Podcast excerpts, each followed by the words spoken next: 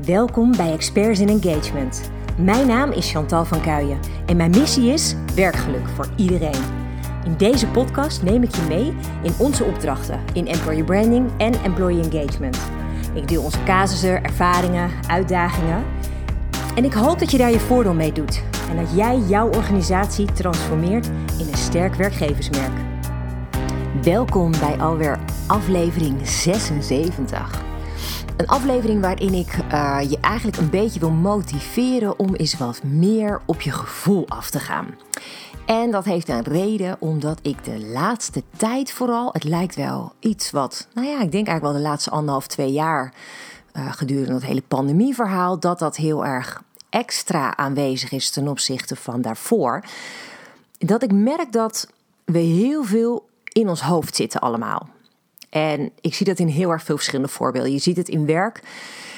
Maar je ziet het ook heel erg in uh, situaties zoals relaties, liefde, maar ook in opvoeding. Uh, hoe we met onze gezondheid omgaan. Je ziet het in heel veel dingen terugkomen in de maatschappij. En het, het opvallende daarbij is dat er bijvoorbeeld heel veel uh, angst en wantrouwen op dit moment heerst. En dat is eigenlijk een van de tekenen dat we niet zo lekker in ons gevoel zitten. Dat we gewoon als het ware ons gek laten maken door die gedachten die maar blijven gaan. 24/7. Ik bedoel, dat is natuurlijk ook een ding. Hè? Als je bedenkt dat iets van 70.000 gedachten hebben eh, binnen een dag, dan is het niet normaal ook. Uh, hè, dat, dat, dat vraagt heel veel van je. Um, en nou ja, dat kun je vast wel voorstellen, ook met piekeren en zo. Er gebeurt heel erg veel in je hoofd. En ik dacht, het is ook wel eens een keer goed om erbij stil te staan. Hoe werkt dat eigenlijk? Hè? Wat, wat doen we nou met ons hoofd en wat doen we nou vanuit ons gevoel? En wat is het verschil? En wat zou je eigenlijk het beste kunnen doen om de best mogelijke kwaliteit van je leven te hebben? Want dat heeft namelijk een ongelofelijke impact op je privéleven, maar ook in je werk.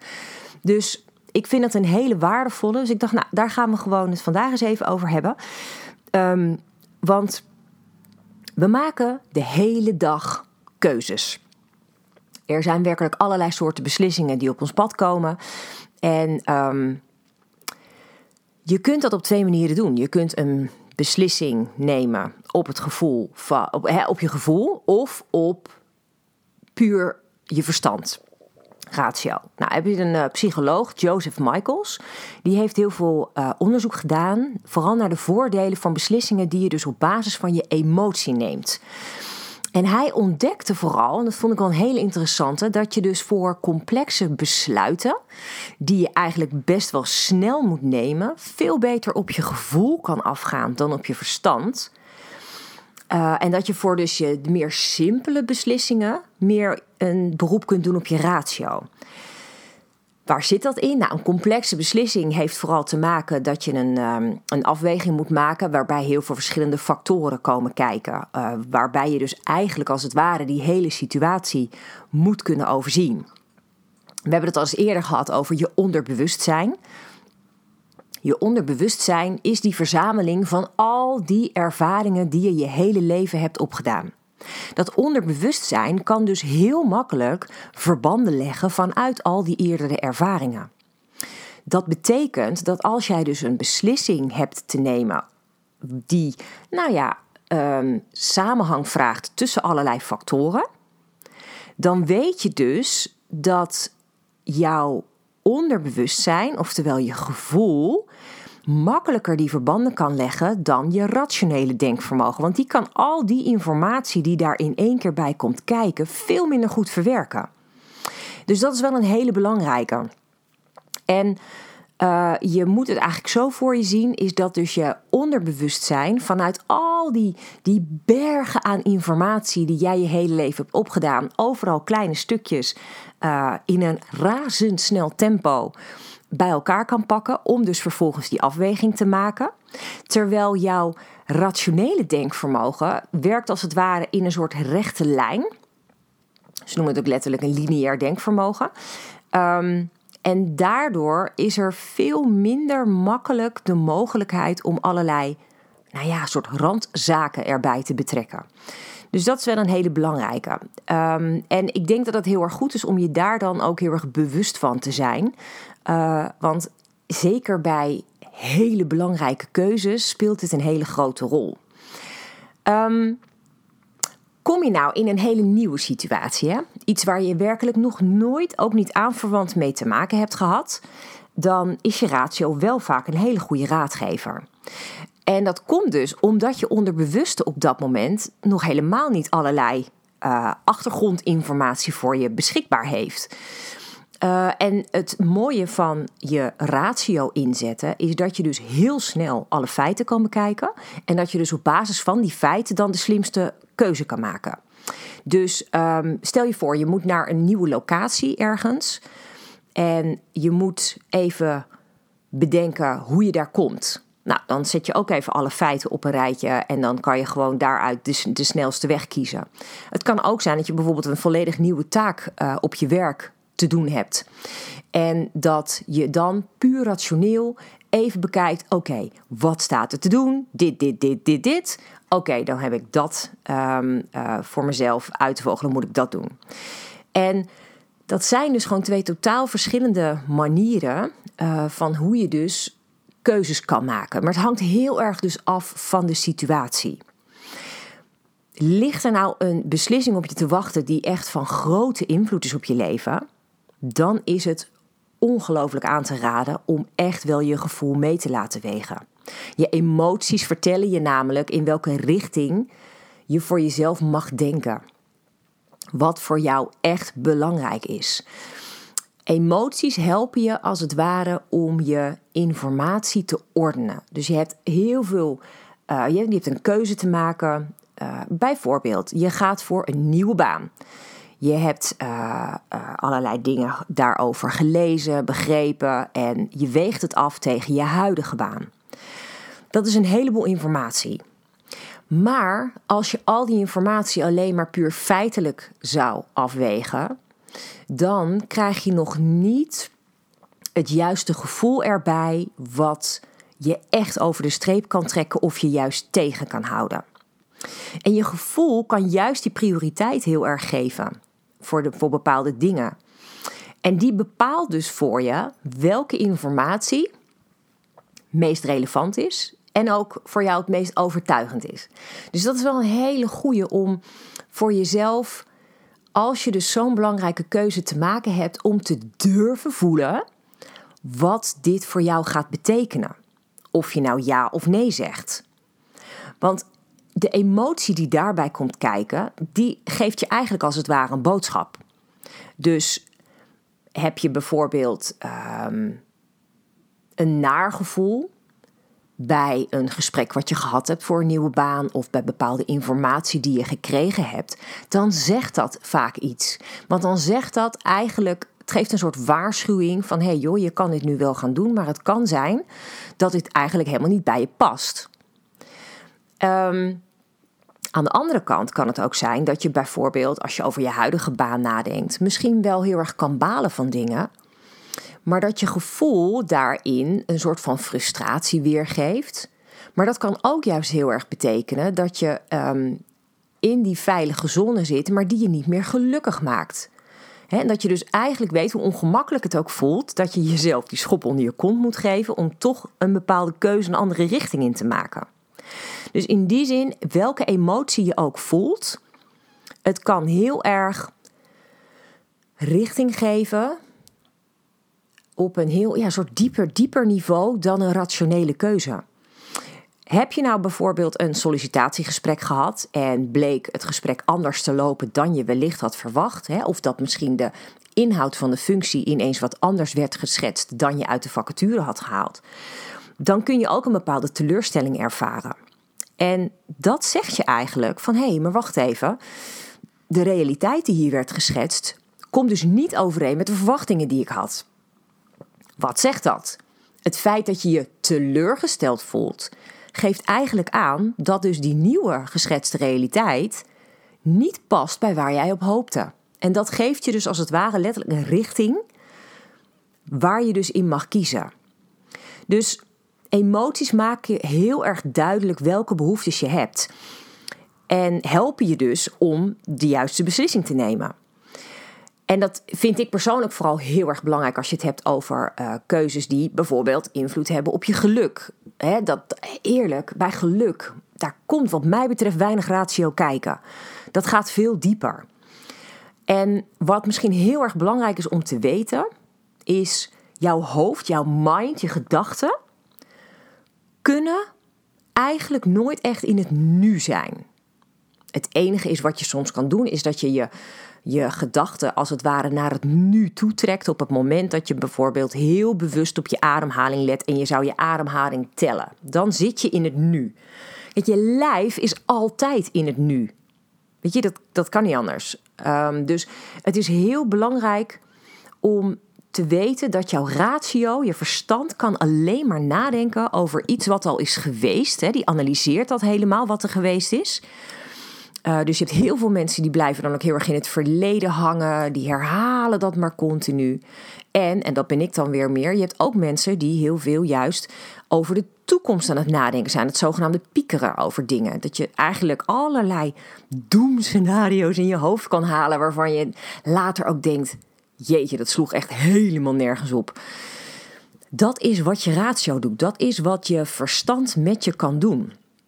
En het allerbeste soms voel je wat je nu voelt. Want je, omdat je lijf in het nu is, is dat ook het meest um, ja, oprechte, als het ware, wat je op dit moment kan voelen. Kies je alleen vanuit je ratio, dan kies je dus volgens de patronen uit je verleden. Daar hebben we het eerder over gehad. Hè? Want uh, als je dus kijkt naar alles wat je hebt meegemaakt, hè, dat is dus opgeslagen ook in het onderbewuste. En op het moment dat je dus snel een keuze maakt en je kiest dus in dit geval bijvoorbeeld ook op ratio, dan betekent dat dat je dus die patronen vanuit het verleden gewoon opnieuw inzet. Maar de kans bestaat daarbij dat je dus wel jezelf heel erg kan belemmeren. Uh, want dan blijf je dus altijd je leven volgen zoals je het altijd deed. En dat kan dus bijvoorbeeld ook zijn dat je bepaalde overlevingspatronen hebt. Um, en dat nou, heel simpel, weet je. Het kan bijvoorbeeld, wat ik wel eens uh, zie, of best wel vaak zie, is heel erg please gedrag vertonen in je werk. Omdat je bijvoorbeeld ook door mensen wel aardig gevonden wilt worden. Of omdat je het heel erg lastig vindt om je echt open uit te spreken. Uh, als je dingen bijvoorbeeld anders zou willen, dat je dat heel erg moeilijk vindt. En op het moment dat die patronen heel erg in jouw systeem zitten, dan blijft zich dat herhalen. En dan blijf je als het ware in een soort van veilige keuze zitten. Terwijl als jij bewuster bedenkt, voelt: hey, past dit eigenlijk nog wel bij mij? Wat zou ik aan mijn leven willen veranderen? Dan weet je dat je meer naar je gevoel mag gaan luisteren. En dan heb je het gevoel je ook echt heel erg nodig. En eerlijk, ik heb dit zo vaak vroeger genegeerd. Uh, ik luisterde helemaal niet naar mijn intuïtie. Ook bijvoorbeeld in mijn studententijd best wel een paar voorbeelden van. Wilde ik vooral heel erg rationeel alles besluiten. Maar dat heeft me tegelijkertijd ook echt wel heel erg veel teleurstellingen opgeleverd. Uh, als ik bijvoorbeeld kijk naar uh, het kiezen van een opleiding. Ik heb een opleiding in eerste instantie gekozen omdat ik rationeel wist van nou, daar zijn goede banen in te vinden. Dat was toen op dat moment de opleiding uh, pedagogische wetenschappen. En ik dacht, ja, weet je, daar is altijd wel werk in. Dat kwam ook wel een deel vanuit mijn jeugd hoor, vanuit mijn opvoeding, omdat mijn ouders allebei in een tehuis zijn um, opgegroeid. En ik, daar zat wel een stukje gevoel bij, want ik wilde dan de wereld mooier maken voor die kinderen eenmaal begonnen aan de opleiding kwam ik erachter dat dat ook wel een soort van idealistisch idee was, wat in de werkelijkheid een stuk eh, minder um, rooskleurig aan bod kwam. En het, ik, heb, ik heb destijds uiteindelijk een, een soort van tussenkeuze gemaakt. En dat had ermee te maken dat ik in mijn uh, proppenduizenjaar uh, heel erg ziek was. En uiteindelijk ook geopereerd moest worden. En um, dat was een soort. Ja, ik, ik weet het niet. Ik zie het als een soort van ingrijpen of zo. Het was het moment dat ik sowieso even moest stoppen met studeren, omdat ik even op mijn herstel moest uh, richten. En dat was het moment dat ik bedacht: wacht even, waar ben ik mee bezig? Ik ben met een opleiding bezig waar ik eigenlijk al gehoord heb dat wat ik voor ogen had, wat ik ermee wilde, nou, geen realiteit gaat worden. En uh, er zaten onderdelen in de opleiding nou, waar ik gewoon niet gelukkig van werd. Heel simpel, punt. En dat was voor mij een soort van moment dat ik dacht: oh ja, oké, en wat nu dan? En toen ben ik via de universiteit een studiekeuzecursus gaan doen. En daarbij kon je echt via allerlei interesses en dingen kon je nagaan van oké, maar wat past er dan echt bij me? En het meest geestige is dat er dus de opleiding naar voren kwam die ik eigenlijk oorspronkelijk vanaf het VWO al bedacht had, namelijk Nederlandse taal en letterkunde. En het bijzondere daaraan was dat um, ik, ik had altijd al heel veel met taal. Gewoon creatief met, met taal bezig zijn. Dus ik schreef uh, al jarenlang heel veel gedichten, uh, liedjes. In mijn studententijd heb ik muziek uh, geschreven, liedjes geschreven. En oh man, daar werd ik zo onwijs gelukkig van. Alleen, ik had ergens het beeld toen ik van het VWO afkwam dat als je Nederlands taal en letterkunde ging studeren, ja, dan kon je toch alleen maar voor de klas staan. Nou, dat was totaal niet mijn ding. Was niet het idee wat ik uh, voor ogen had. Dus toen heb ik dat idee dus in eerste instantie laten varen. Grappig genoeg, toen ik dus op dat soort van tweede kruispunt kwam, heb ik uiteindelijk dan toch besloten om wel voor die eerste keuze te gaan. Nou, en dat, dat heeft me heel veel goed gedaan, want ik heb daar de leukste dingen ook mee kunnen doen. Um, naast het feit dat ik gewoon de literatuur, uh, letterkunde deel heel erg fantastisch vond, vond ik ook het deel taalbeheersing echt geweldig. Want het heeft me heel veel gebracht. In mijn huidige werk gebruik ik dit nog steeds heel veel. Is het niet bijvoorbeeld vacatureteksten of arbeidsmarktcommunicatie, dan is het wel voor het schrijven van blogs of nou ja, allerlei andere creatieve uh, teksten. En dat maakt me blij. Daar word ik echt heel gelukkig van. Dus daarbij merkte ik dat toen ik wel mijn gevoel ging volgen, dat dat beter uitpakte. En in alle eerlijkheid, ik heb ook in de liefde keuzes gemaakt die te veel op ratio waren. Omdat ik bijvoorbeeld heel erg luisterde naar wat iedereen om me heen vond. Een keuze om met iemand in het huwelijk te treden waarvan ik later dacht, ik wil eigenlijk helemaal niet trouwen. Maar het was zo gewoon, iedereen deed het om me heen. En, en mijn ex-schoonouders vonden dat het moest, uh, dat het hoorde. En ja, je, je was al vijf jaar bij elkaar, dan wordt het wel tijd om te gaan trouwen. En, en op de een of andere manier, niks te nadelen van mijn toenmalig partner, maar was dat niet de keuze die ik met mijn hart heb gemaakt? En dat is best wel een dingetje. Um, uiteindelijk, weet je, heb ik spijt. Ja, weet je, waar kan je spijt van hebben? Het zijn lessen in het leven. En zo zie ik het ook echt. En het bizarre is dat op het moment dat ik wel echt naar mijn hart ging luisteren, en dat gebeurde dus pas op het moment dat mijn vader overleed, dat was een soort van extreme wake-up call. Van oké, het is nu of nooit. Is dit hoe je je leven wilt doorzetten? Uh -uh, dat was het niet. Wat ga ik dan wel doen? En dat is het eerste echte moment geweest, uh, en dat is dus nu uh, elf jaar geleden ruim, dat ik echt volledig in mijn gevoel durfde te gaan staan en een keuze heb gemaakt op dat moment die voor veel vrij drastisch was, maar voor mij een hele logische mm, beweging was, omdat ik al uh, een aantal jaar niet meer helemaal lekker in mijn relatie zat. Ik was eigenlijk al gedurende langere tijd afscheid aan het nemen, afstand aan het pakken. En het was voor mij als het ware op die manier een bevrijding. En het, want het, het klopte niet, het paste niet bij mijn gevoel. En dat is echt zo wonderlijk wat er daarna is gebeurd. Dat mijn leven letterlijk 180 graden gedraaid is. Van waar ik zo vaak zoveel moeilijke, wat meer negatieve uh, pechervaringen had. Naar hoe mijn leven ineens klopte. Hoe alles op zijn plek viel. Ongelooflijk welke stappen ik daarna heb gezet.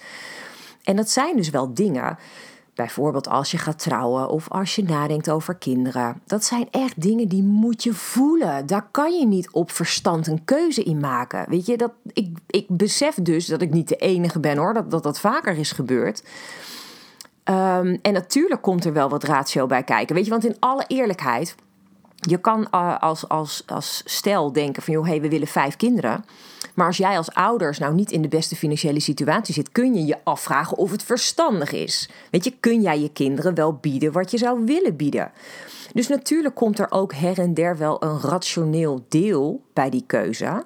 Maar in dit soort hele belangrijke zaken zou ik toch echt wel zeggen dat je je gevoel een, een, echt wel een zwaar stuk mag laten meewegen.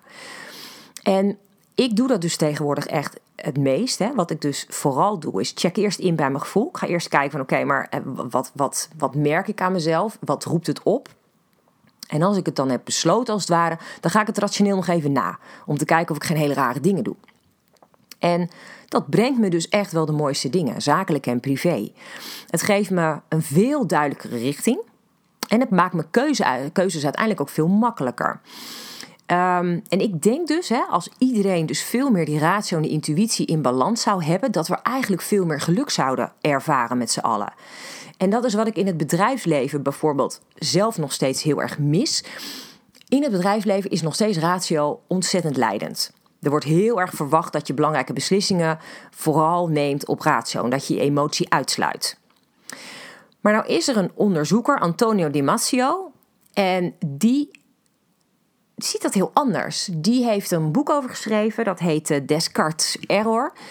En nou ja, Descartes, ik heb het al eerder over gehad. Um, Descartes was heel erg van de ratio, een filosoof, maar nadenken over alles. Um, en Demasio zegt eigenlijk, ja, dat is gewoon niet waar.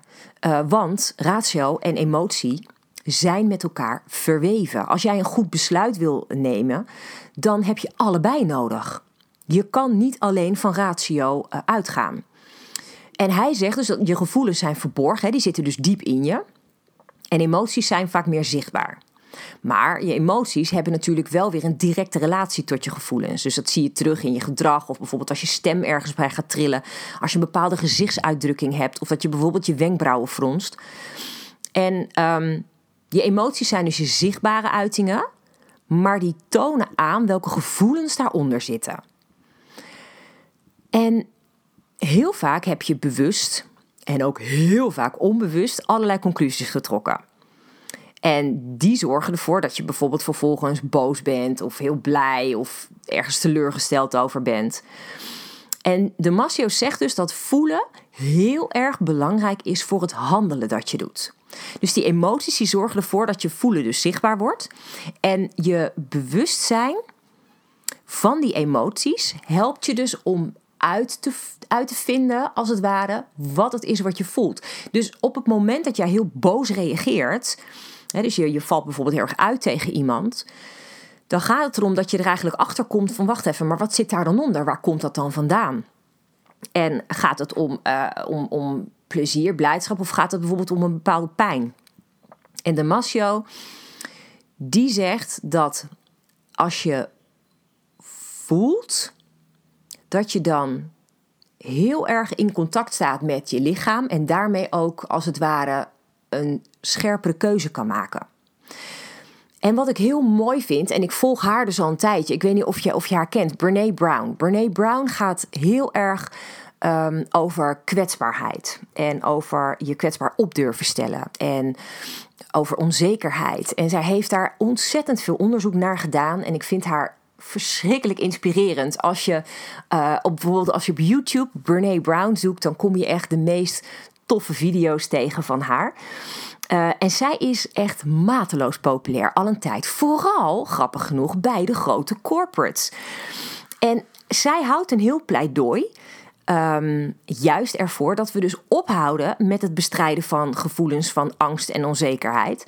En zij zegt juist heel erg tegen managers dat je moet um, managen vanuit je kwetsbaarheid. Dus je kwetsbaar durven op te stellen. En ik heb ook heel erg gezien in de onderzoeken die wij doen, dat de medewerkers daar ook over het algemeen heel gelukkig van worden. Want je wordt als manager ineens mens. Juist doordat je het gevoel durft toe te laten. En dus je beste optie vind ik dan, is ook hier dus ook je gevoel laten samenwerken met die ratio. Niet de standaard spreadsheet manager zijn die alleen maar afgaat op data, maar ook je gevoel erbij betrekken om bijvoorbeeld data te kunnen duiden, om het betekenis te kunnen geven. Dus mijn hele uh, relaas hier zegt dus niet dat je je ratio volledig moet laten varen, maar wel dat je een veel grotere plek moet creëren voor je gevoel. En dat draait vooral om balans. Eerlijk. Weet je, gaat het om hele snelle zakelijke besluiten. En dat kan je puur feitelijk gebaseerd doen. prima. Vaar lekker voort op je, op je ratio. Maar gaat het om grotere, belangrijke beslissingen?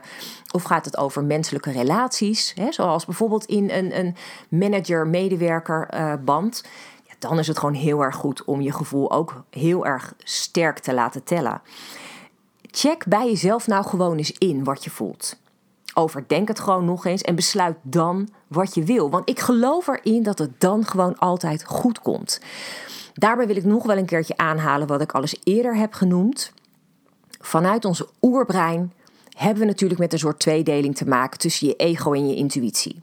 En je intuïtie brengt jou eigenlijk altijd het positieve, het mooie, geeft je als het ware een richting naar wat er voor jou is weggelegd, wat jij te doen hebt. Um, als je bijvoorbeeld een bepaalde missie hebt in je leven, is je intuïtie jouw echt ultieme steun om die missie waar te kunnen maken. Door bijvoorbeeld inspiratie die je ontvangt vanuit die intuïtie. Dat ego dus aan de andere kant, vanuit dat oerbrein, is er juist om je angst aan te praten. Is er om je tegen te houden in dingen, om dingen te wantrouwen. Om je namelijk veilig te houden in die comfortzone.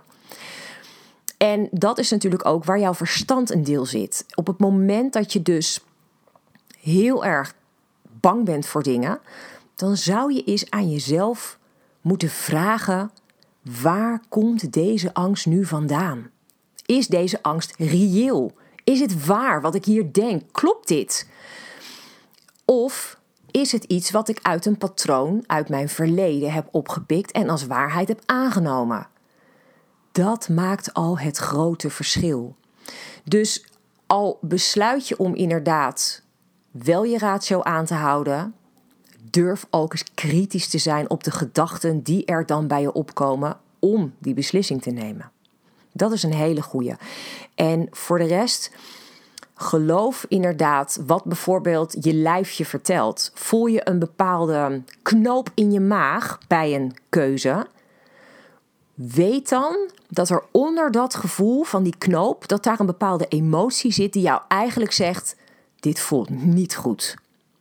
En op dat moment laat jij je gevoel je leiden om de best mogelijke keuze te maken. En dat is wat je in je werk, in mijn optiek het aller, allerbeste kan doen. Het maakt je een fijne collega.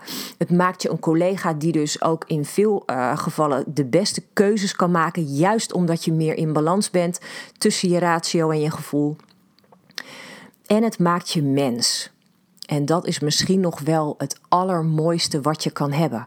Want welke overweging je dan ook maakt, je kunt er bij jezelf dan van op aan dat je het echt goed hebt afgewogen. Wil dat zeggen dat alles goed gaat? Nee, tuurlijk niet. Tuurlijk zal je af en toe spijt hebben van een keuze.